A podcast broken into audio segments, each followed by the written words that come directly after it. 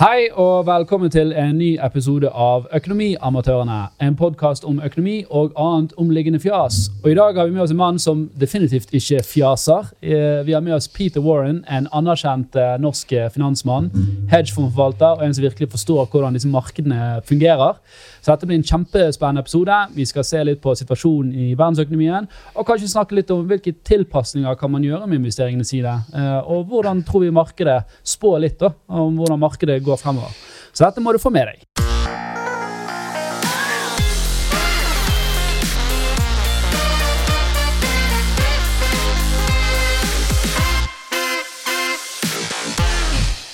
Yes, vi er tilbake. Og i dag er det jeg og Torstein som er i uh, studio. Uh, Jan Tore har måttet tegne morsomme hus, for han er jo arkitekt på dagtid og komiker på kveldstid. Uh, og vi har med oss en veldig kul gjest. velkommen, Peter Warren. Tusen takk. Du er jo en anerkjent figur innenfor finansmiljøet, i hvert fall. Og eh, du har jo en litt sånn kul bakgrunn fra både vært eh, elitesoldat til trader til hedgefondforvalter.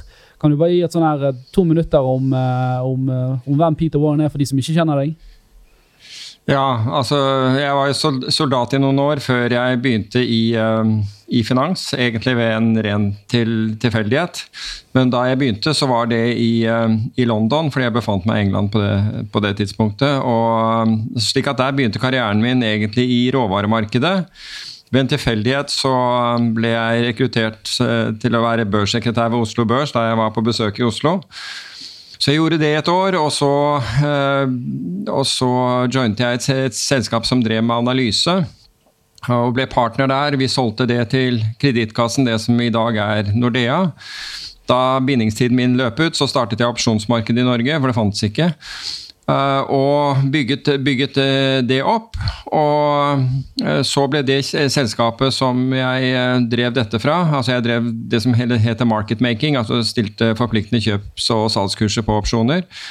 Så ble, eh, så ble, det selskapet kjøpt opp av en bank, og så fikk jeg bindingstid i den, i den banken på, på, tre år. Ble der i seks. Begyn, eh, til å begynne med skulle jeg kun gjøre derivater, og så gikk jeg over til å, å være sjef for hele for det som var markedsområdet, altså alt det som banken egentlig handlet i. Og etter det, så etter de seks årene så, eh, så, gikk jeg over og startet et hedgefond. Og så holdt jeg på med det i jeg tror det er 12-13 år eller noe sånt nå. Hvor jeg holdt på med det, og nå er jeg ren, ren investor og styremedlem og den type ting. Ja. Og nå, Vi heter jo Økonomiamatørene, så uh, nivået her prøver vi å ta ned på et sted som, som, som er litt sånn dagligdags. Ja. så kan ikke du forklare litt hva, kort hva et hedgefond er for noe?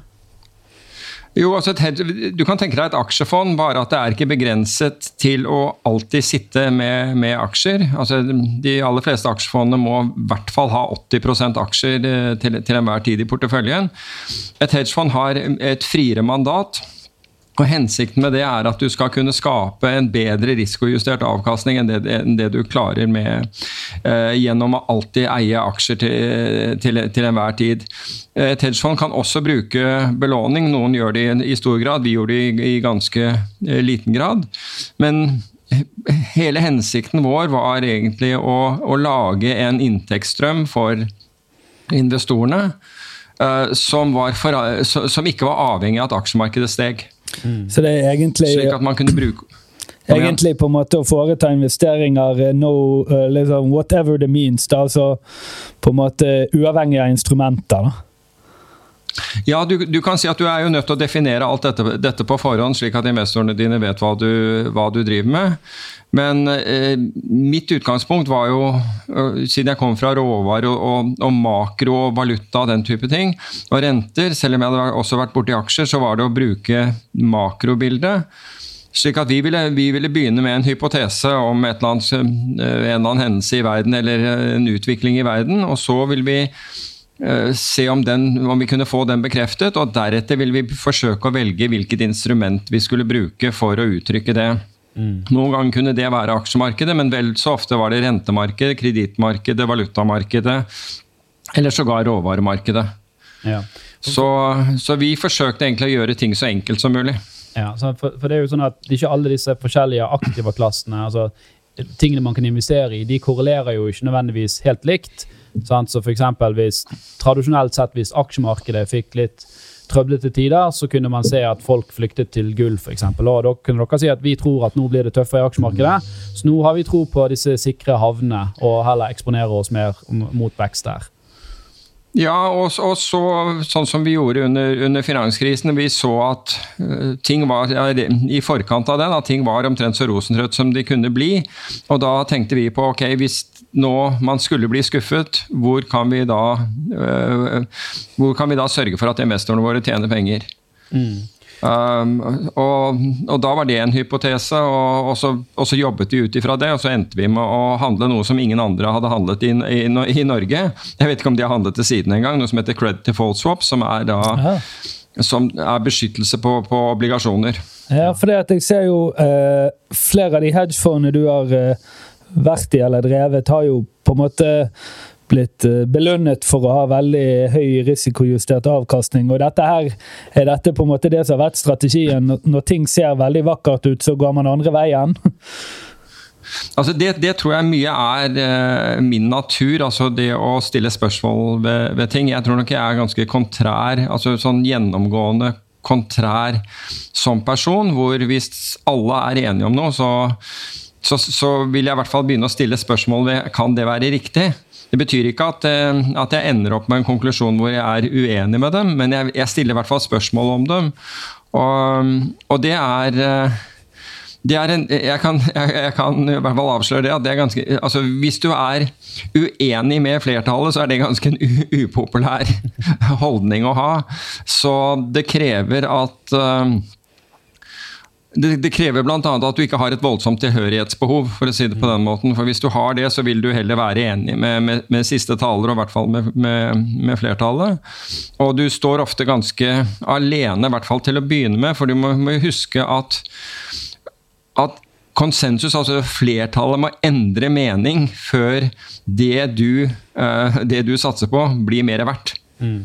Så, så, det er en kombinasjon så, av, eh, av, av, å ha en sterk rygg eh, samtidig som du må ha is i magen. Da, uh, når, uh, for det, det, er klart at man blir gjerne sterkt påvirket det, av det som andre folk sier.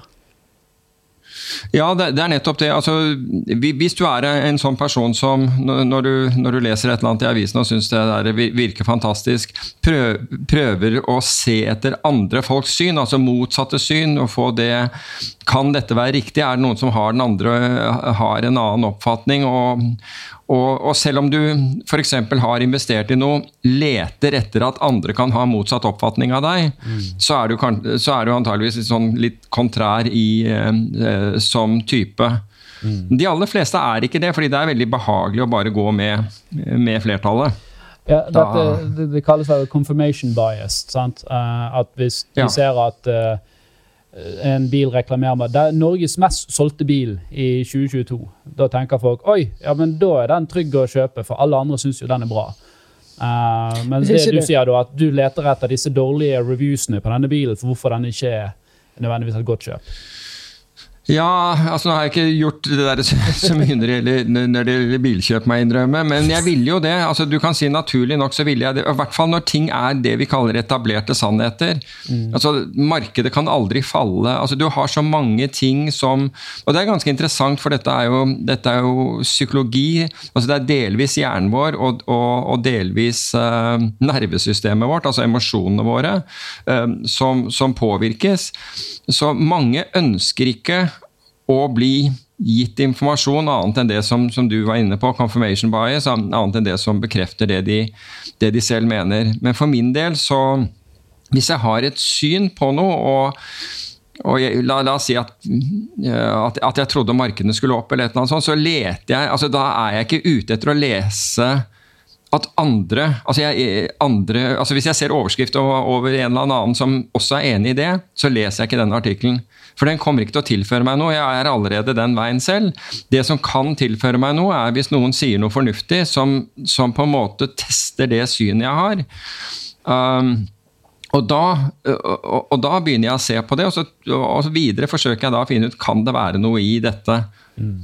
Så um, Men får ikke du òg en sånn veldig usikkerhet med deg sjøl? Altså, for du blir jo liksom to stemmer i, i hodet ditt. Uh, når du går dypt i en eller annen retningen, så, så blir du liksom kanskje handlingslammet? Nei, e egentlig gjør jeg ikke det. Altså, det jeg har funnet ut, det som er flåen min, eller var, var lenge flåen min, det var at jeg oppdaget ting uh, Eller at jeg forventet at det ville bli oppdaget raskere enn det ble. Slik at ting pågikk lengre enn en man kunne forvente. Og Et eksempel på det er uh, tilbake til finanskrisen. Det var da, da jeg så altså Oslo Børs fortsatte å, å, å, stige til tross for at andre markeder falt. For, for det første så, jo, så, gikk aksjemarkedet opp, mens kredittmarkedet altså kredittmarkedet er jo markedet for obligasjoner mye i de samme selskapene. Så når, når den sikre delen av en bedrifts kapitalstruktur begynner å falle i verdi, mens den usikre delen fortsetter å stige, så er det eh, i beste fall en dissonans. For det vil si at investorene som sitter på, på den sikre delen, altså nemlig gjelden, de ser eh, truende skyer i horisonten, mens de som sitter med full risiko, uh, fortsetter å ha flat pedal. Det, det, altså da jeg først oppdaget det, så, så, så, så, var jeg overbevist om at en, en, at her lå det noe. Mm. Kan jeg bare, Men, bare, skyte en ting der, bare for å forklare for lytteren litt det du sa der. Um, når du da har obligasjoner Obligasjoner er jo at du har lånt penger til et selskap. Og som ja. långiver Og gjerne mot sikkerhet. Ja. ja. Som långiver så står du da først i køen hvis det går dårlig med det selskapet, og får verdiene dine tilbake. Sant? Kontra en aksjonær som er sist i, i køen. Så Derfor har du, så når du gir lån, så har du høyere sikkerhet. sant? Det er, det er, korrekt. Og når jeg ser de som har den høyeste sikkerheten, jeg håper jeg kaste seg ut, for det var jo faktisk det de gjorde, du, så obligasjonskursene falle uh, markert, mens, mens aksjeeierne bare fortsatte, altså, fortsatte å kjøpe disse bedriftene, så blir det en, en dissonans hvor du sier at begge kan ikke ha rett. Mm. Begge kan ikke ha rett. Men for, for Norges del Altså, mens de andre markedene reagerte mye raskere, Eh, så, så fortsatte eh, Oslo Børs fortsatte å gå i åtte måneder etter at, dette her, eh, etter at jeg først oppdaget det. Nå, nå det, er vi tilbake i finanskrisen. Si kom igjen. Ja, jeg bare skulle si, Nå er vi tilbake i finanskrisen, sant? Ja, nå er vi ja, i finanskrisen. Ja. Mm. Og, og, det blir merkelig å se at, at, Oslo Børs fortsetter å gå som om ingenting har skjedd i verden. Så fortsetter Oslo Børs å gå, og du tenker at her er det et misforhold mellom, mellom markedene. Og, og, det var ekstremt Jeg må jo si, altså, tilbake til det det ble nevnt i, i sted, det var, det var krevende å, å, ha det synet, fordi jeg lette etter muligheter. Jeg, jeg så etter om, om, om, jeg kunne ha oversett noe, om noe som da ville rett og slett falsifisere min, min, påstand, nemlig at dette her var galt. Men klarte ikke å finne det, og og, men allikevel måtte jeg, måtte jeg se da børsen gå opp måned etter måned. Inntil jeg gjorde nok, altså, gjorde nok research og så at børsen kan gå liksom fem til åtte måneder uh, etter at drivstoffet har, har, har, Etter at tanken er tom. Det skjer med Oslo Børs av en eller annen grunn. Og det, det, har, skjedd, det har, jo også skjedd i år, bare så det, det er sagt. Så Men i jeg, jeg, vi har drevet litt av oljepris og, og at vi er en energinasjon òg, så vi har tjent penger på det? Absolutt. Og, det, det, forklarer hvorfor Oslo Børs ikke faller like mye som, som, de, som andre markeder. Og, det er en grei nok forklaring på det. Men hvis vi sier at det som foregår i Ukraina um, og en vesentlig høyere eh, pris på, på, på, energi, og ikke minst inflasjon, at det har en negativ innvirkning på veksten, så skal det også begynne å ramme norske, norske selskaper. For alt er ikke olje i Norge. Og hadde du tatt, eh, det er jo også slik at hadde du tatt eh, Equinor ut av, ut av indeksen, så hadde den vært 10 lavere. men det forklarer på en måte ikke den positivismen eh, som man hadde. og Det er bare egentlig å akseptere at Oslo Børs er Og det, og det er på, på, godt og vondt. altså Du kan si du får god tid til å komme deg ut og få justert porteføljen din, kontra en del andre markeder hvor, hvor, det, hvor, hvor det, bråsnur, for å si det på den måten. Mm. Men hva var det som var eh, årsaken til at, at uh, Oslo Børs lå etter i uh, 2008, eller i finanskrisen, da? For det var vel ikke ja.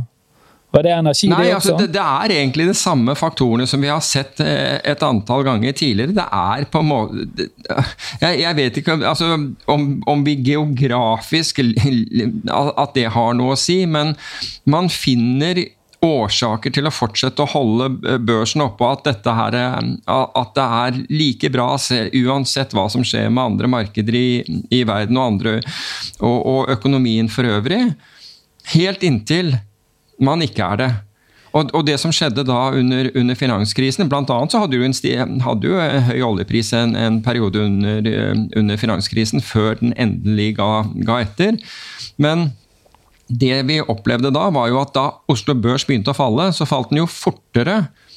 Og den tok, den tok ikke bare igjen gapet til, til de øvrige markedene, men den falt mer.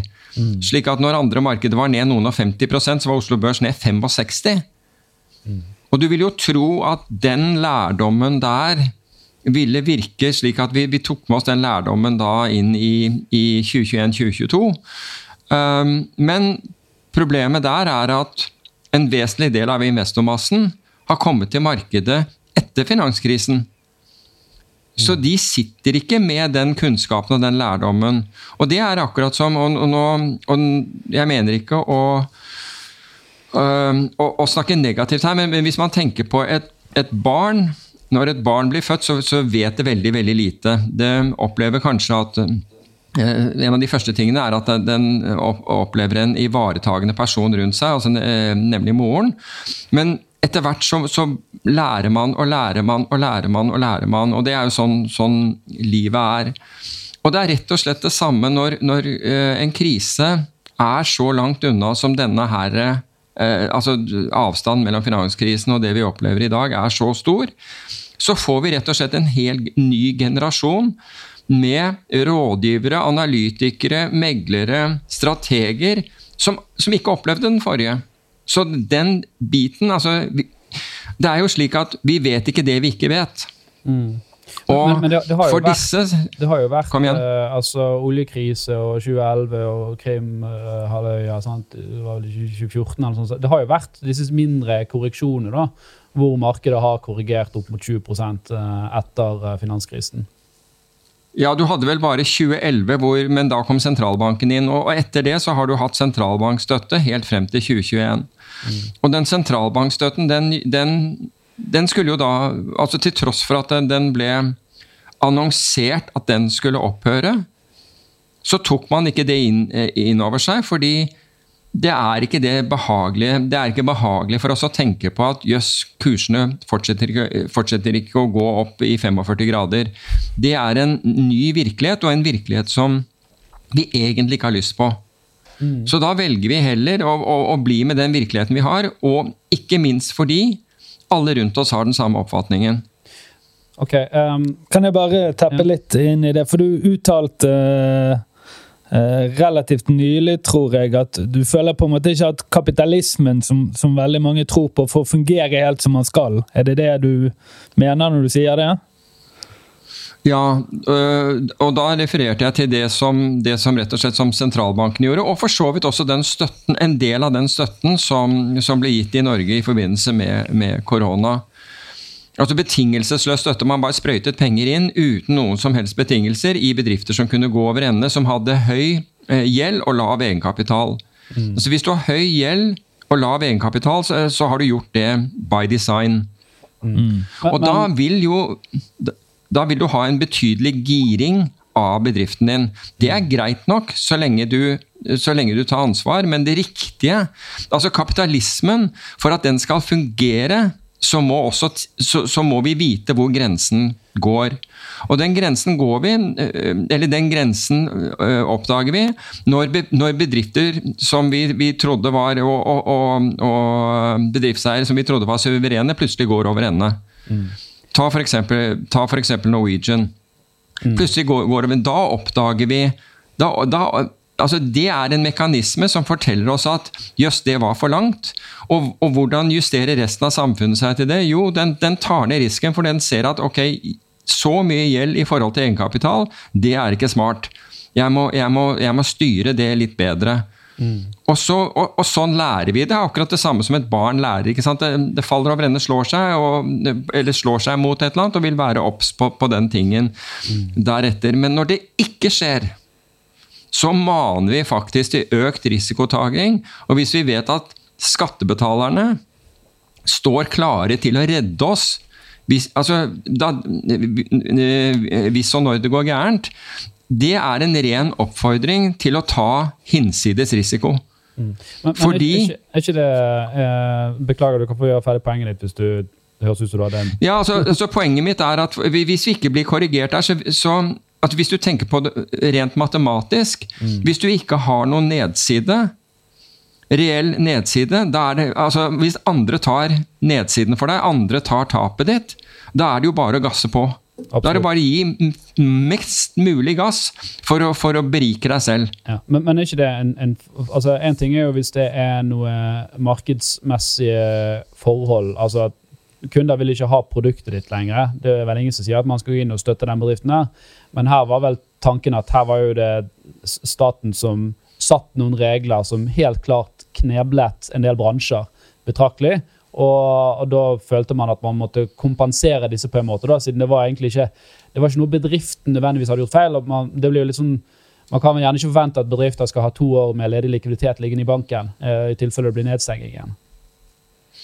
Nei, altså du kan, du kan gjerne si, si det eh, slik, men, men hvis vi snur det argumentet rundt så vil du da ende opp med at alle tar ekstremt mye risiko, og ingen vil sørge for å ha noe som helst i banken. Jo, tror, tror du, du, kan leve med markedsmessig risiko, sant? men, men når det er disse her eksternalitetene som liksom statlig pålagt midlertidig pga. et eller annet sant? som det ikke er et klart svar på om det skulle vært sånn eller sånn, så er det jo litt vanskelig. altså det, så jeg, jeg, jeg, skjønner, jeg, skjønner, veldig godt argumentet ditt, og jeg er helt enig med deg at uh, hvis man lager et, eh, en økonomi hvor, hvor det, det, ikke svir å ta risiko hvis du bommer, så, så bør man ikke bli bailet ut fra det.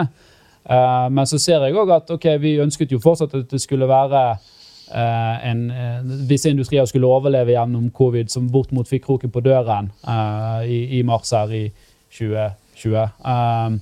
Så det, det, blir jo en sånn balansegang, og så gjør jo alltid politikerne feil. Da, virker som, I hvert fall i ettertid. Det er veldig lett å være etterpåklok og si at vi burde gjort det annerledes.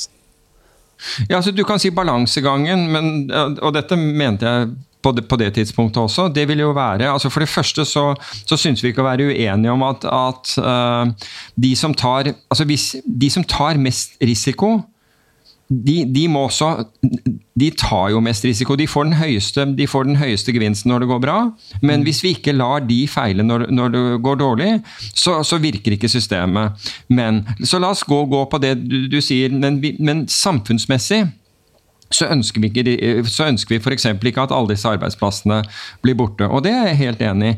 I noen tilfeller så ville bare andre kommet inn med, med sterkere kapital og, og, overtatt. Men la oss si at det er andre tilfeller hvor ikke det vil skje. Noe, jeg sier ikke at det er noe galt å gå inn med støtte, men hvis det er slik at, at, at samfunnet, altså uh, skattebetalerne, må inn med støtte, så, så, burde, så burde skattebetalerne få betalt for, for, for å gjøre dette. Mm. Og da burde man enten, burde vært enten gitt som lån, eller enda bedre at, at, man, at uh, staten altså rett og slett fikk uh, aksjer i selskapet.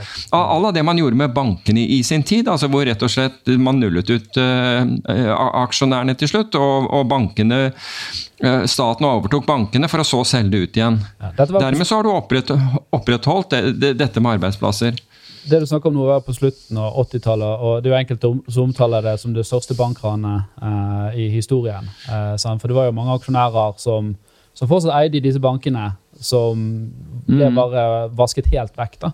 Uh, ja, men, så, er, men, men, er, du aksjonær, så er, er det dessverre risikokapital du, du, stiller. Og så kan du gjerne si at disse bankene var, var var drevet hinsides. og Det er gode muligheter det er godt mulig at, eh, at eh, så er, eh, er tilfellet, men men jeg er helt enig med det. Du som puttet pengene i, det, i, denne administrasjonen som har drevet banken sånn, og sådan hadde en del av oppsiden hvis det gikk bra.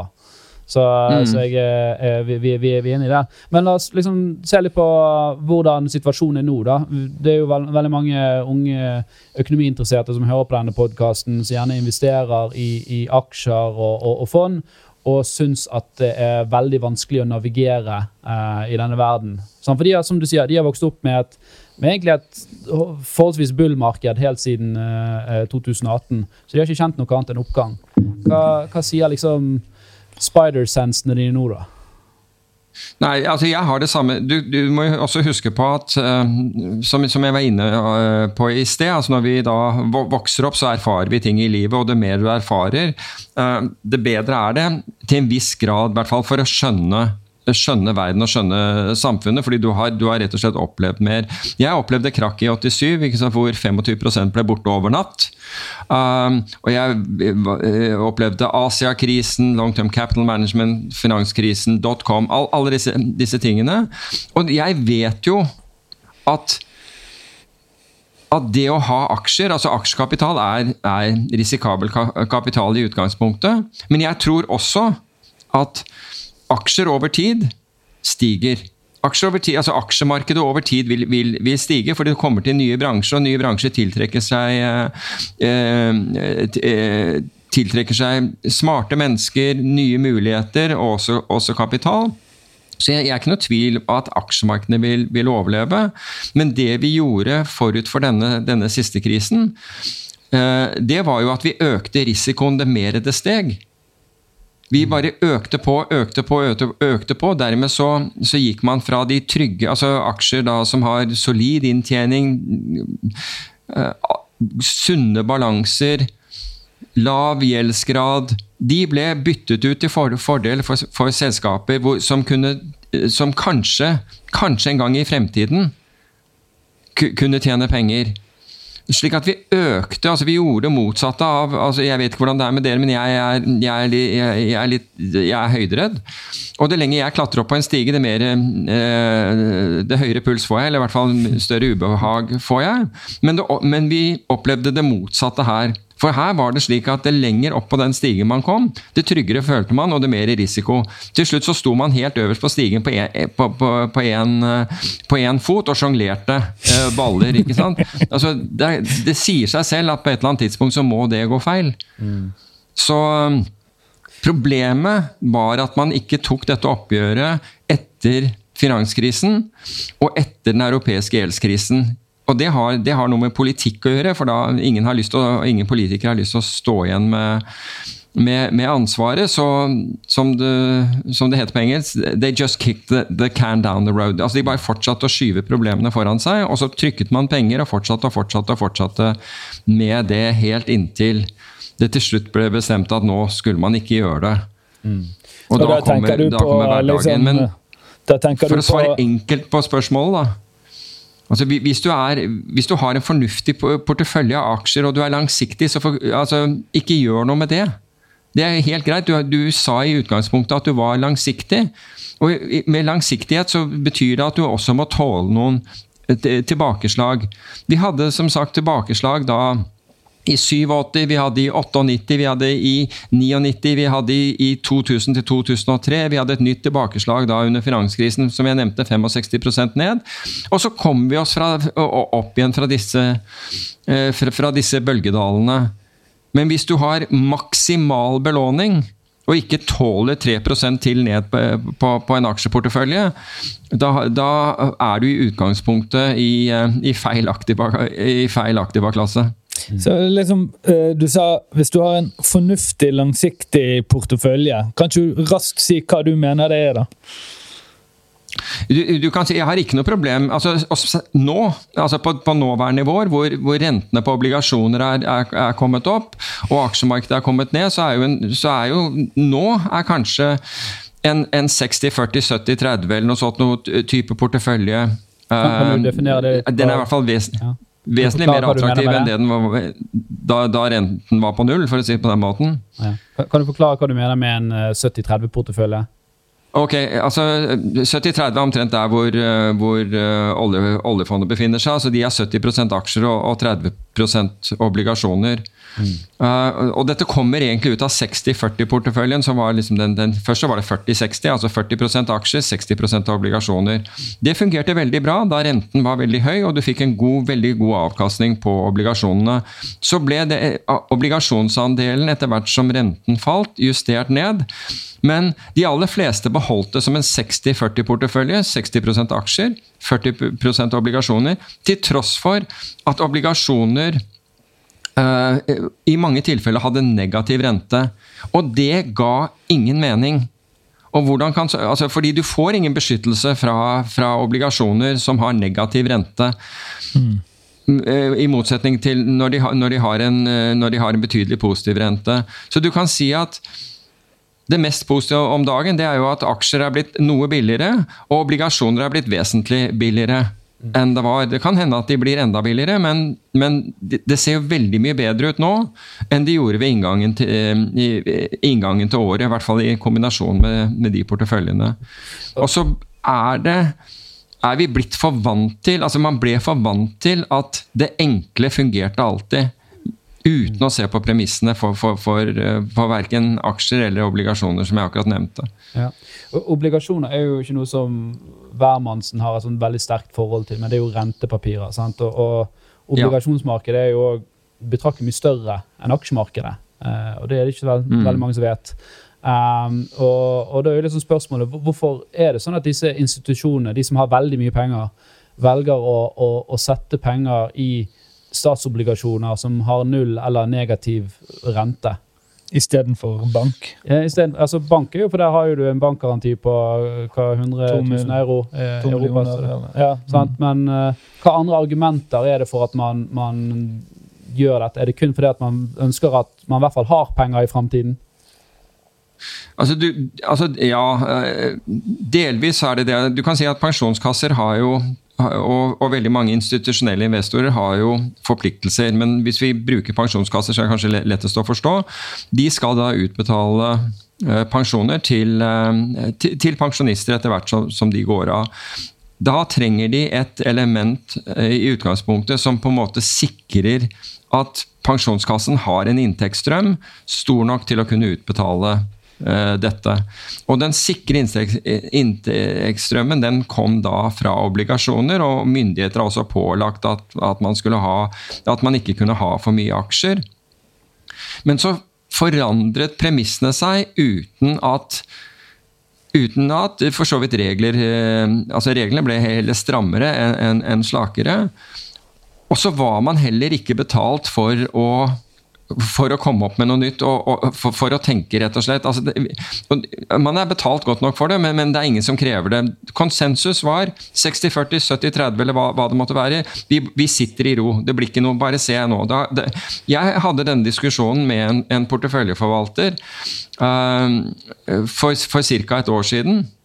Og Da hadde vi mange obligasjoner med, negativ rente. og jeg diskuterte da Min påstand var at at det var galskap å sitte på, på, på, på en slik portefølje. Og vedkommende sier du, det har fungert nå, det, det, det, har fungert i over ti år. Det var svaret jeg fikk. Mm. Men, eh, så, det, det, kan, du, du, kan snakke om recency bias, men det er akkurat det man gjør der. Ja, men også kan jo, Det er jo selvfølgelig også noen sånne andre argumenter på, altså i forhold til uh, valutaposisjoner og den type ting og da, som gjør at man gjerne velger det. Men men det er jo klart at det, det, det er veldig rart da, uh, å tenke på at man sitter på, putter pengene sine i noe som, som, garantert leverer negativ. Du betaler mm. noen for å holde på pengene dine. Uh, ja, du betaler noen for å låne pengene dine. Ja. Uh, for å fis fiske oss ut av obligasjonsverdenen her. ja, for jeg, jeg synes det, det, er jo sånn to sider av denne mynten. her. Da. Det ene er liksom den fundamentale analysen av aksjeselskaper som kanskje du ser på. Da. Du gir opp en formening om hva du tenker om aksjemarkedet eller, eller en spesifikk aksje. Og så har du psykologien i dette her eh, som, som gjerne er litt mer revet med av momentet. da? Sånn som du sa, at Når det først gikk ned på Oslo Børs, så gikk det voldsomt ned. Og det samme ser vi når det går opp. Sant? Hvis det går opp, så får folk sånn Oi, shit, nå går jeg glipp av noe her. Og så hiver man inn, uh, gjerne uten å egentlig tenke seg om. da. Uh, for, en, for en vanlig investor, hva er det du anbefaler her? Skal man liksom bare passere dette i indeksfond, eller skal man sitte og gjøre disse analysene? Eller hvordan navigerer man liksom den, den tosidede mynten? Jeg, jeg, tror at veldig mange som selv velger å gjøre analysene Nå sier jeg ikke alle, men jeg tror flertallet gjør det fordi for, for, å få oppfylt et eller annet form for spenningsbehov, et sånn delaktighetsbehov som man har. Mm. Men hvis du skal se rasjonelt på det, og du, du ønsker en så behagelig eh, tilværelse som mulig, så er det jo mye bedre å gjøre dette via, via indeks. Fordi det er lettere, fordi Hvis du tenker deg at en, en, børsindeks, der er det andre som gjør seleksjonen for deg. Altså Seleksjonen gjøres på basis av Der byttes det uh, stadig ut selskaper, men uh, på, på, objektive kriterier som da andre gjør for deg. Og, og den jobben får de nesten ikke betalt for. Altså Det har aldri vært så billig å investere i, i indeksfond. Så min, med mindre Så du kan si at hvis du da Hvis du skal gjøre noe annet enn det, så må du enten ha veldig god kunnskap om, om, markedet, som betyr at du må bruke veldig mye tid på det. Og det, og det en, du, vi ser jo hvor mange aktive forvaltere, eller hvor få aktive forvaltere som, som slår børsen over tid. Så det er ikke, det, er ikke en enkel oppgave. Um, å gjøre, og så skal du ha alle disse bekymringene selv. Er det egentlig det du ønsker? Eller ønsker du en sparing som liksom går av seg selv der ute? Ja, jeg får ikke, jeg får ikke topper og bunner, jeg er ikke med biotek, jeg har ikke alle pengene mine i biotek når det går, går oppover. Men når er det når folk kjøper biotek? Når, det, når, når tegnet folk seg mest i, i, uh, i teknologiaksjer? Jo, det er selvfølgelig veldig nær toppen. Mm. Så du slipper på en måte den, den, den, bekymringen, og du kan la andre ta seg av investeringene uh, for deg. En annen ting er hvis du Så har du en mellomtingen, og det er at du, du finner en, en forvalter som, som, er aktiv. For så vidt, Eller en hedgefondforvalter, for, for, for den uh, saks skyld. Da er, jo, da, da, er det, da er det et spørsmål om nummer én om tillit. Og nummer to så kan du ikke slutte å følge med Eh, bare fordi du har skaffet deg en sånn forvalter. fordi det kan jo hende at den forvalteren går til et annet forvaltningsselskap, eller bestemmer seg for å pensjonere seg og en annen forvalter overtar. Og da endrer plutselig disse fondene seg. Så det er ikke dermed sagt at det er enkelt å, å, å gå til fond, det, det, er bare Men det er enklere enn om du skal drive og, og plukke 10, 20 eller 30 aksjer, altså forskjellige selskaper selv, og, og balansere porteføljer og gjøre den type ting, det er, det er for spesielt interesserte. Mm. Og det er jo noe du skal gjøre hver Du må følge med hele tiden. Mm. Nå, nå, er det vel sånn, Dette er jo et litt sånn politisk spørsmål, men, men hedgefond i Norge er vel forbeholdt for de som klassifiseres som profesjonelle eh, investorer. Uh, det vil si du skal ha viss mye midler, eller du skal handle såpass hyppig. da. Uh, så føler du da at uh, alle og enhver mann som blir litt sånn snytt for at de ikke får delta i, i, i den aktive klassen?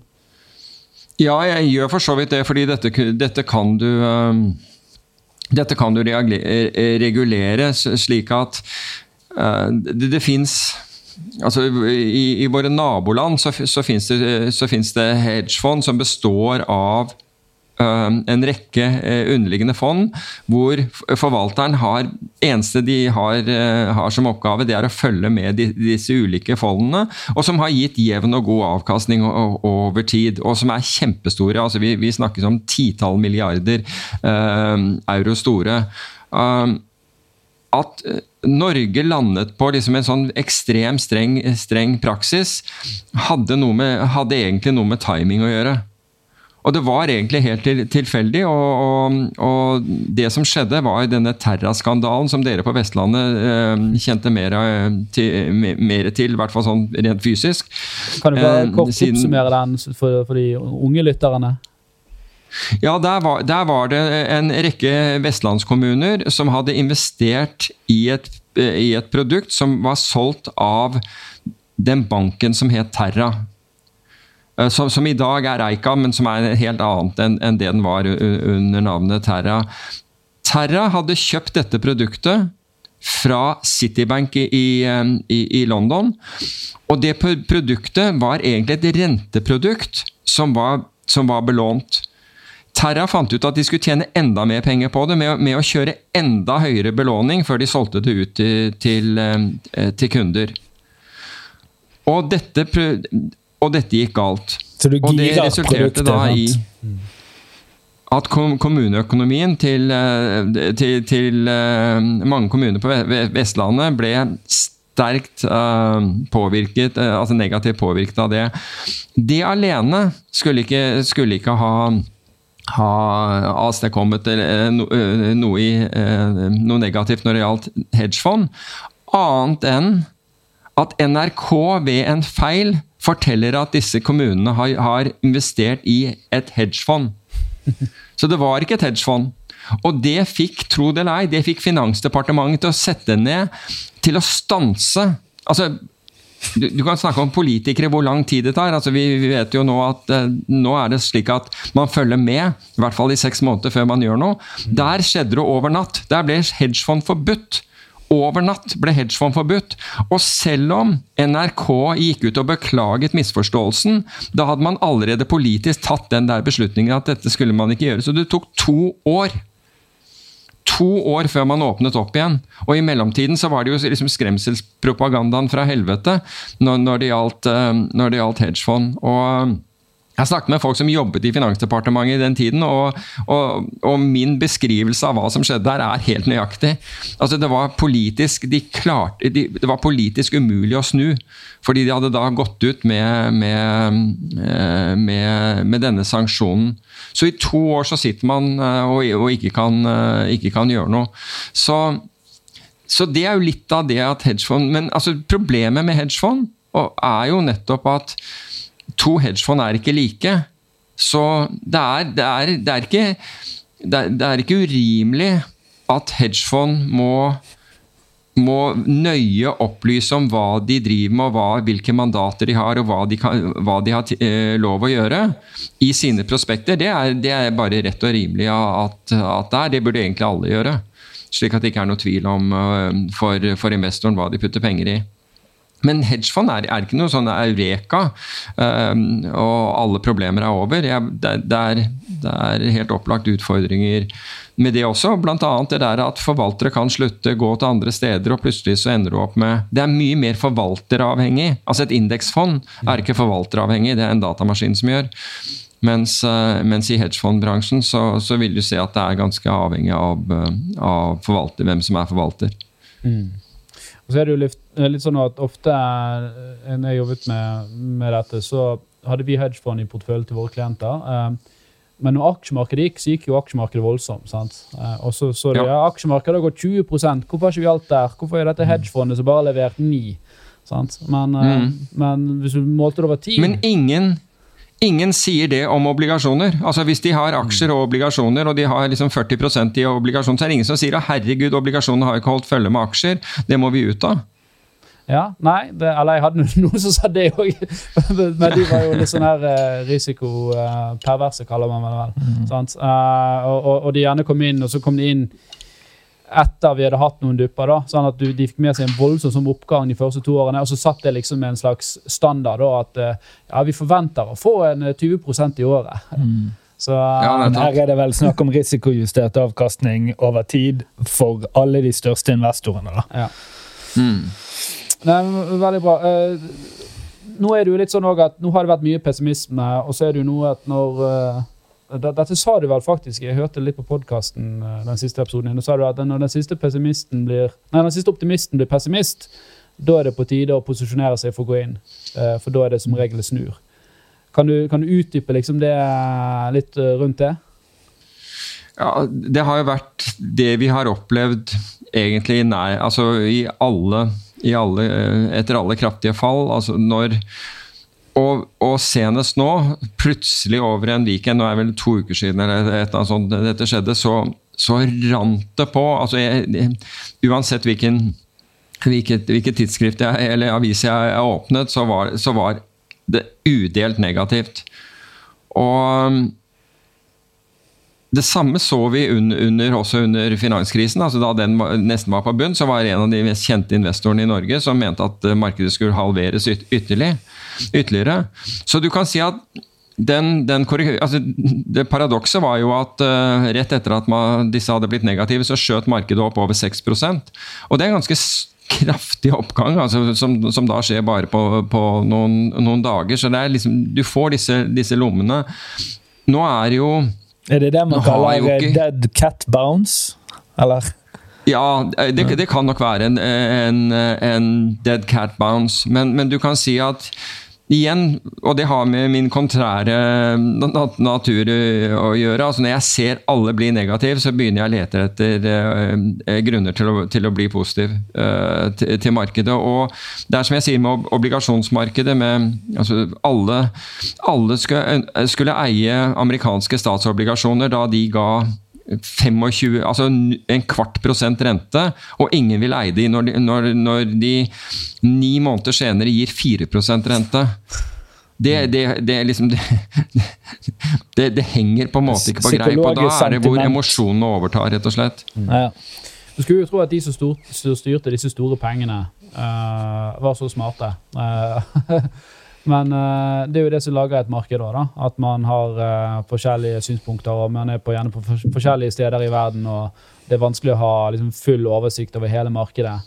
Um, og så, Det var én ting jeg ville litt innom òg. For vi har jo vært gjennom det som Eller er vel i det som kalles et bear-marked. Uh, mm. Og altså, Kort fortalt så er et bear market det er jo når investorene generelt er pessimistiske da, til framtidsutsiktene. Uh, I hvert fall på, på, på kort sikt. Uh, og, og, sånn Historisk sett så pleier jo de å være fra en måned til gjerne halvannet år. Men så har jo du òg uh, liksom sånne skremselhistorier, sånn som i Japan, da, med The Lost Decade på og det var vel på, på, på 90-tallet. De hadde en fantastisk utvikling i økonomien etter andre verdenskrig. På 1990 rundt der så sa det vel bom stopp. Uh, og så var det ti år ja. uten noen økonomisk vekst. Aksjer gikk i dass. Begynte å klatre opp igjen. Så kom dotcom-boblen. Boff, rett ned igjen.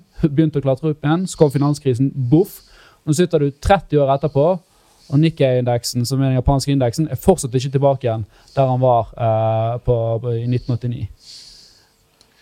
Nei, det, det er riktig. Altså det, og, men det sagt, så er det jo ingen som klarer å ta inn over seg det. Altså hvis du, har, hvis du har, er født og oppvokst i Norge, så klarer du ikke å ta inn over deg at det kan ha noen som helst relevans uh, for deg. Så hvis vi går inn i en lang periode med, med nedgang her nå, så er, så er omtrent ingen, ingen, forberedt på det. Men bare for å ta noen altså enkelte ting som kan virke positivt. altså Nå har du en nær en pensjonskrise i Storbritannia, hvor pens pensjonskassene ikke klarer å eh, å oppfylle sine forpliktelser. De klarer ikke å stille med sikkerhet nok. Eh, og Bank of England gikk ut da i går og sa at nå hadde man bare noen dager på seg å, å, å ordne opp. Så ville støtten til, til sentralbanken bli borte. Hvis det engelske pensjonssystemet går over ende, så kommer det til å ha voldsomme ringvirkninger. Blant annet kommer det til å sende obligasjonskursene eh, rett i, re, videre, videre, sørover og, og, renten opp. Og det kommer til å påvirke eh, andre lands eh, markeder og andre lands pensjonskasser. USA har noe av det samme systemet som England, bare at de, er ikke så belånte. Så det mer vi ser egentlig gå galt på en, på en stor skala nå, det mer sannsynlig tror jeg det er for at sentralbanker begynner å snakke sammen. Jeg tror faktisk allerede, Nå, nå har du sett at um, bank, altså første som intervenerte, var Bank of Japan. Så, så intervenerte uh, Bank of England, så intervenerte den, uh, den kinesiske sentralbanken. Jeg er temmelig sikker på at sentralbanker følger nøye nå med på markedene for statsobligasjoner. Ikke minst for at, at land da, som f.eks. USA, som, som, som, skylder mye penger, får enorme renteutgifter. Så du kan si at det, det mer gærent som, som, skjer nå, det mer, altså, det mer optimistisk blir jeg, for å si det på den måten. Da kan plutselig noe, noe skje, nemlig at at man må på banen og gjøre et eller annet for å, for å, for å stabilisere. Så Men blir ikke det litt det, det samme da, at man må skubbe problemet framover? Ja, først, først, Hvis man fortsetter å gjøre det altså ene vil være for, rett og slett for å stabilisere markedene. Nå er ikke markedene helt altså Det er jo de store obligasjonsmarkedene som uh, Hvor du ser hvor, hvor, du ser de, de kraftigste fallene. Um, og, altså, når du ser en, en britisk statsobligasjon falle 65 på, på seks dager, så er det klart at da, da, er det på tide å sette seg opp i stolen, for det var det som alle trodde. Det, det var jo det trygge. Mm. Um, så det skulle vi ha mye av.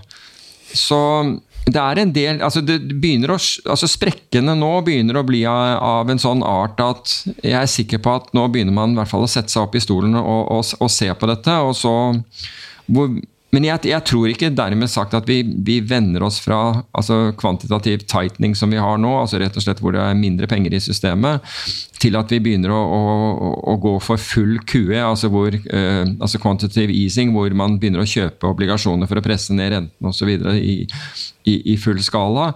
Men, eh, men det, det, er belåningen i systemet som er det, det kritiske. Jeg, jeg tror ikke folk skal egentlig se så mye på nivåene. Mange sier at ja, det falt som, som, jeg gjorde i sted, altså 65 for, for Norges del i, under finanskrisen på det verste, og mange markeder var ned 50% og osv. På, på det verste. Jeg, jeg og, men dette er tror, dette er tro, vel å merke tror. Jeg tror ikke vi kommer til det, og årsaken til at jeg ikke tror vi kommer til det, er at belåningen i systemet er fortsatt så høy at jeg tåler ikke systemet. Mm. Så du tror rett og slett at medisin da blir å stoppe rentehevingene på eh, liksom, globalt nivå, da? Ja, i hvert, hvert, fall, hvert fall at, de, hvert fall at de, de, ser på Prøver å holde obligasjonsmarkedet uh, noenlunde, noenlunde stabilt. Mm. Det som er problemet, og det som er den største utfordring, det er at reguleringen etter finanskrisen, altså den som kom som en reaksjon på finanskrisen, har gjort at en rekke aktører ikke finnes i markedet lenger. De store bankene som var kjempestore i obligasjonsmarkedet, i valutamarkedet osv., de er ikke der til å ta egne posisjoner lenger. Og Isteden så har man overlatt det, på tross av alle advarsler, så har man overlatt disse markedene til eh, høyfrekvenshandlere, altså disse som handler på millisekunder, og ikke blir sittende med inventar. Og det betyr jo at når de kjøper noe, altså når en high frequency trader kjøper noe, så, så, ønsker han å kvitte seg med det, gjerne på et millisekund, men de har i hvert fall ikke tenkt å ta det med over natt eh, som beholdning. Og det har gjort hele strukturen mye svakere. Dette ble myndighetene advart mot gang på gang på gang, men så lenge man holdt på med kvantitative lettelser, eller med andre presset opp eh, kursene på verdipapirer, så, så, ikke, så, så kom ikke dette problemet til syne. Men vi har, vi har, jo sett, altså vi så i 2010 det, det berømte flash-crashet i, i, USA, da børsen faller over 9 på, på, på, noen minutter. Og vi så det i 2015, da, da euro mot, euroen falt uh, uh, nesten 40% mot, mot sveitserfranc. Også i løpet av bare noen, noen minutter. Så vi har, ikke, vi har ikke den samme infrastrukturen. Så lite grann er vi og litt grann, altså vi, vi, vi, er i ukjent farvann her, og nettopp, men jeg, jeg tror at sentralbankene ikke minst etter covid. Du så, du så eh, tilløp til, eh, til, panikk i det amerikanske markedet for, for eh, statsobligasjoner under, under, covid. At sentralbankene er obs på denne, denne, faren og vet at at det der kan bli et problem. Men bare så, veldig, veldig, raskt for å liksom, uh, se om jeg forstår riktig. det, liksom, det du mener da at for store deler av omsetningen uh, er på en måte daytradere og ikke folk som faktisk sitter på varen, slik at når han begynner å falle, så stuper han. da. Ja. ja. altså Det er ikke bare daytradere, de er, de er millisekundtradere ja, ja. mm, og mikrosekundtradere.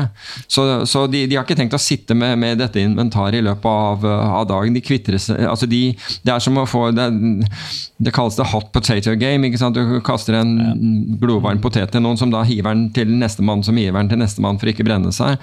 Og, og, slik er markedene. Er det, det er fordi de, de, de trader kanskje mer bare på på trenden og ikke noe sånn fundamentalt? da? At de ser at her er det noe Ja, som altså de, de trader rent matematisk. Det er ikke så mye på trenden. De, de analyserer ordrebøkene i Altså dette, dette er marketmakere. De er da forpliktet, forpliktet, til å stille kjøper- og selgerkurser. Mm. Og Det kan være på obligasjoner, på enkeltaksjer, på indekser, på råvarer osv. Det de gjør, er at de analyserer ordreboken på den aktuelle La oss si at det er, eh, la, la oss si at det er en statsobligasjon i realtid og bestemmer seg for hva som er hva vi kaller en fair value. Altså en, en midtkurs og Ut ifra den så stiller de selgekursen sin over og kjøpekursen sin under. Problemet er at den prisen kan endres 10 000 ganger i løpet av bare noen sekunder. Mm. Så, det, det, så, du kan si at det du ser og det du treffer, det er, det er to forskjellige ting. Mm. Uh, hvis, hvis, du liksom prøver å selge på Du, du vil aldri være på en måte, måte rask nok. Men det gjør at det underliggende systemet hvor altså Tenk deg tilbake i um, var det på 30-tallet hvor, hvor, JP Morgan selv eh, stepper inn på, på New York-børsen og sier at vi er kjøpere. Altså, fordi de har en balanse som de kan, de kan fylle opp med, med, aksjer hvis de ønsker. Den har du ikke i dag. Du har ikke noen som bare stepper opp og sier at nå skal du høre her, vi, vi kjøper, med mindre en sentralbank gjør det. Markedet mm. gjør det ikke.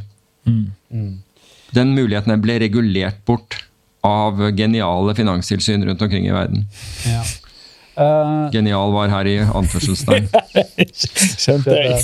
Uh, vi snakket litt om dette med inflasjon, for det er klart at det er noe som påvirker uh, egentlig alle her. Sant? At Litt av grunnen til at, eller, eller, hovedgrunnen for at man setter opp rentene nå, er jo pga. at man har inflasjon som har gått litt amok. da. Um, og så tenker man at det er pga. at det har vært trykket for mye penger. Det er for mye penger i omløp. men det er jo ikke bare uh, det som driver inflasjon, altså at det kommer mer kapital. For det har jo med hvor denne kapitalen selvfølgelig allokerer seg. Hvis den blir mm. allokert i, på veldig få hender, så trenger ikke det nødvendigvis å bety inflasjon. Uh, og så er det òg andre ting som kan drive inflasjon. Det kan være f.eks. at, uh, at råvarepriser går kraftig opp, sånn som vi ser nå med strømpriser, som igjen gjør at en del varer går opp. da. Så, så spørsmålet er liksom er denne rentepolitikken altså Om du skrur opp renten mer altså Strømprisene blir ikke nødvendigvis lavere, og, og, og, og derav liksom produksjonskostnadene blir lavere, derav varene blir Er det riktig blir, medisin? Er det riktig medisin, det vi holder på med? Nei, altså jeg tror at den, den begynner Altså det var riktig medisin, men den kom for sent. Mm. Um, det, er, det, er, ikke noe Altså, den, den er ikke helbredende, uh, og, vil, og jeg tror ikke den er palliativ heller. Altså med andre ord, eh, Den er ikke smertelindrende heller. Eh, altså når, når, du gir opp helbredende medisin, så går du gjerne over til, til, til smertelindrende medisin. Jeg er ikke helt sikker på hvor, hvor, den er i dette. fordi det er riktig som du, du, du snakket om. altså hvor kapitalen gikk, er, er, viktig her. Og hvis vi ser hvor kapitalen ikke gikk, så gikk den i hvert fall ikke til fossilt eh, drivstoff. Og hva er en av, en av de tingene som, som, leder denne inflasjonen? Jo, det er nemlig det er prisene på, på, på gass og, og, og, og, bensin, olje eh, osv. Mm. Så, og så har vi da så har vi, eh, og, og, som følge av det så har vi da fått en, en kraftkrise eh, generelt det blir jo ikke borte. Altså, vi, vi, endrer jo ikke på den ubalansen med å heve renten. Mm. Men, Men hvorfor, mat, matprisene har jo hva sier du? Hvorfor gjør man, hvorfor hever man, hvorfor fortsetter man da? Å nei, nå kommer man enda litt høyere. Nå klinker vi til å ta en halv prosent i neste måned. Hvorfor gjør vi det? Det er, det er rett og slett pga. arbeidsmarkedet. Altså, det stram, det arbeidsmarkedet er stramt. Altså, I det øyeblikket i det øyeblikket arbeidsmarkedet eh, begynner å bakke av, med andre ord at bedriftene slutter å ansette, så, så, vil definitivt eh, renteoppgangen eh, stanse. Men, men jeg er jeg er tvilende til at å sette opp nå, nå, gjelder ikke det alle land, men, men, i hvert fall for Norges del. Jeg tror ikke, altså Med den kostnadsøkningen vi, vi har, så tror jeg ikke vi oppnår jeg tror ikke vi oppnår noe ved å, ved å, ved å heve renten. Jeg tror det ligger, ligger på andre ting. Uh, og, og, og, det kan være måten vi uh, altså F.eks. nå da, i, i, i, statsbudsjettet, hvor, uh, hvor du øker utbyttebeskatningen, altså utbytte på, på, på aksjer.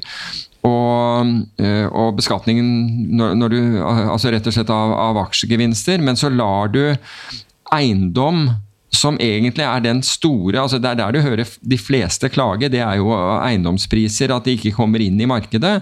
Mens det blir behandlet mye, mye mer snilt, om, om du vil, så vil jo det sørge for at folk allokerer alt annet like fra, fra f.eks. aksjemarkedet og inn i, inn i eiendom. Mm. Og så får vi ytterligere press på, på, eiendom. Og så senker du da, så senker du da kravet, altså egenkapitalkravet på sekundærbolig, som gjør det enda mer interessant å, å, å, å spekulere i.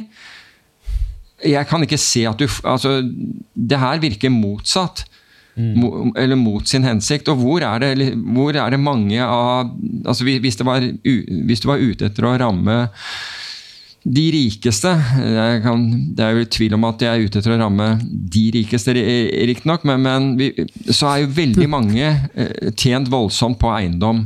Mm. Mens det blir da penere behandlet enn aksjer, hvor, hvor du tar vesentlig høyere risiko, og hvor, hvor kapitalinnskuddet ditt går til å, til å, eh, til å drive utvikle bedrifter. Og trygge arbeidsplasser. Ja. Nei, jeg, jeg, er helt enig, og, og, det blir jo uh, det man kaller litt sånn symbolpolitikk. Sant? Det er veldig lett å male en fanden som du, som du, liksom kan si at se hvor mye penger han har, og han skal vi ta, og se nå flytter de ut av landet. Og, sant? Uh, men men det, det er jo ikke nødvendigvis det som er, er, er den riktige politikken her. da, så Syns du liksom politikere begynner å bli liksom vel populistiske uh, og opptatt av, uh, av, av disse ja, symbolsakene som gjør at vi får faktisk ganske dårlig politikk? Ja, dess, dessverre er, er, er, svaret ja på det. Nå, nå, er jo ikke alle de problemene som, uh, som vi har oppe i uh, nå, nå, kan ikke det tilskrives den regjeringen vi har hatt nå. Noen av dem er fra, fra, fra forrige regjering. og slik. Men når det gjelder symbolpolitikk, det er sånne ting du kan drive når alt går bra. Du mm. driver ikke symbolpolitikk i en krise. I En, altså Crisis management handler ikke om, om, å, om, å, om, å, forsøke å se bra ut og, og, og drive symbolpolitikk. Mm. Nei, for, for jo, hvis vi tar litt inn på statsbudsjettet, da, En av de tingene som, som viser, var jo at uh, denne her økte altså For det første det økte skatter for uh, folk som tjener over 750 000. Og så var det òg eh, forslag på økt arbeidsgiveravgift på de som tjener over 750 000. Eh, og, og Horde for eksempel, så er et teknologiselskap som driver teknologiutvikling og har høykompetente ansatte og konkurrerer eh, om å beholde disse her. Eh, for oss blir det veldig dyrere å, å, gjøre denne type utvikling internt. Altså, vi blir jo nesten insentivert til å si at la oss bygge heller en avdeling i Litauen Uh, og Det er jo kanskje i hvert fall den saken som vi syns var eller var mest sånn kritisk til. at her, uh, her, bruker man litt feil medisin som gjør at du ikke det blir, min, det blir mindre interessant da, å investere i kompetanse i Norge, rett og slett. Altså, Jeg kan ikke si meg annet enn helt enig i det. Jeg har, jeg har uttrykt akkurat det samme. Det gir, for meg så gir ikke det der no, noen mening i det hele tatt. Mm. Tvert imot så, så, så, ønsker du vel å beholde kompetanse og bedriftene i, i, Norge, men nå har du liksom kjørt en kampanje de siste par-tre månedene som, uh, som, som, som, rett og slett går på det motsatte. Eller i hvert fall har, har den effekt. Mm. Er det noe annet i statsbudsjettet du ønsker å adressere til våre unge lyttere? Nei, det, det, er, altså, det, det, er som jeg, jeg sa på egen podkast her forleden dag. Altså, du, du har et, et velstandsgap har, i Norge som har økt, også for så vidt veldig mange andre steder i verden, som har fått lov å øke og øke og øke. Så det at du har en regjering som ønsker å, å, å, å redusere det, det har jeg full forståelse for. Det som, ikke, det som, jeg ikke, hadde forståelse for, var, var for så vidt at ikke dette ble gjort mens alt var bra og, og gikk. Men det er ikke denne regjeringens feil. Det burde den for, forrige ha, ha, gjort noe med. Men Det er sikkert ikke populære tiltak. Men det er heller ikke bra for et samfunn når, når uh, forskjellene blir så store som, som de er. Så, men det er, altså, jeg har påpekt akkurat de, de tingene egentlig som, uh, som de, dere har, har, har, uh, har, påpekt. Og jeg tror du sa det egentlig best med, med, med at det blir symbolsaker. Mm. Og, og, og, som, jeg, som jeg sa i stad, i, i, kriser er det ikke når du fører, når du fører symbolpolitikk. Det kan, det kan, du gjøre liksom når, når, sola skinner og alt er, alt er greit. Jeg syns det var en uh, veldig uh, fin, fin, avrunding her. Uh, sånn helt på tampen, de som sitter og investerer nå. Peter Warren, er han bull? Altså, jeg, er, jeg, er alltid, jeg, er alltid, bull på fremtiden, for å si det på den måten. Alt gir muligheter. Mm. Og du kan si at det som har vært et problem, det er at flinke folk har på en måte ikke kommet til syne det være seg forvaltere eller andre, har ikke kommet til syne i det bullmarkedet som, som gikk fra 2009 i hvert fall, og, og, frem til 2021. Tvert imot så hyllet man de som tok høy, høy, høy risiko, uten å se at det var egentlig der altså pengene ble skapt. Eller verdiene, avkastningen ble skapt av veldig høy risiko. Så dette gir en mulighet. altså Dette er som, som du tar hele greia og rister på nytt igjen. Um, og så kommer det mye bra ut av dette. Det gjør det alltid ut av kriser. Det kommer mye bra ut av kriser, så lenge vi lærer. Hva de sier Tidevann eh, løfter eh, alle båter, er ikke det de sier? Og så får vi se når, hvem som, når det synker, hvem som står uten badebukse. ja, jeg, jeg, tror det er Warren Buffett som har sagt ja. ja men dette var kjempebra. Uh, uh, en ting vi Bare litt sånn helt på tampen. Kryptovaluta har jo vært uh, noe som vi ser får stadig større eh, plass i mediebildet. Nå var vi nettopp eh, på uh, Money Live Nordic Banks, og det var mye krypto og blokkjedeteknologi der òg. Hva er dine tanker, hvis du bare gir et par minutter på det før vi avrunder? Altså, jeg er, jeg er positiv til blokkjedeteknologien. Jeg, jeg syns den er veldig spennende og kan, kan kutte ut mye middelmenn, uh, samtidig som den er, uh, som, som den er uh, presis. Jeg tror også kryptografien som blir utviklet, er, er veldig spennende. Men kryptoområdet som ble jo på en måte altså Etter at folk gikk tom for galskap de kunne kjøpe innenfor vanlig teknologi, så var det mange som da skiftet til, til krypto. Og, der, og da blir det mye tull. Men at det finnes, at, at, når støvet har lagt seg, at det finnes uh, interessante prosjekter innenfor, innenfor, krypto, det tror jeg absolutt. Så jeg er positiv til det. ja. Supert. Tusen takk eh, til deg, eh, Peter Warren. Det har vært veldig lærerikt og, og, og, gøy å få høre litt eh, om både reisen din og ditt syn på markedet. Utrolig spennende for meg òg å, å, høre. Mm. Um, vi håper dere lyttere har syntes dette har vært veldig bra. Uh, send oss gjerne inn uh, spørsmål hvis det er noe dere uh, lurer på. Så hvis ikke vi svarer, så send det videre til, til, til Peter. Uh, uh, da skal du få lov å henge igjen et lite minutt, Peter, bare så vi får avsluttet opptaket her. Og til alle andre så sier vi vi snakkes neste uke. Hei, hei. Ha det bra.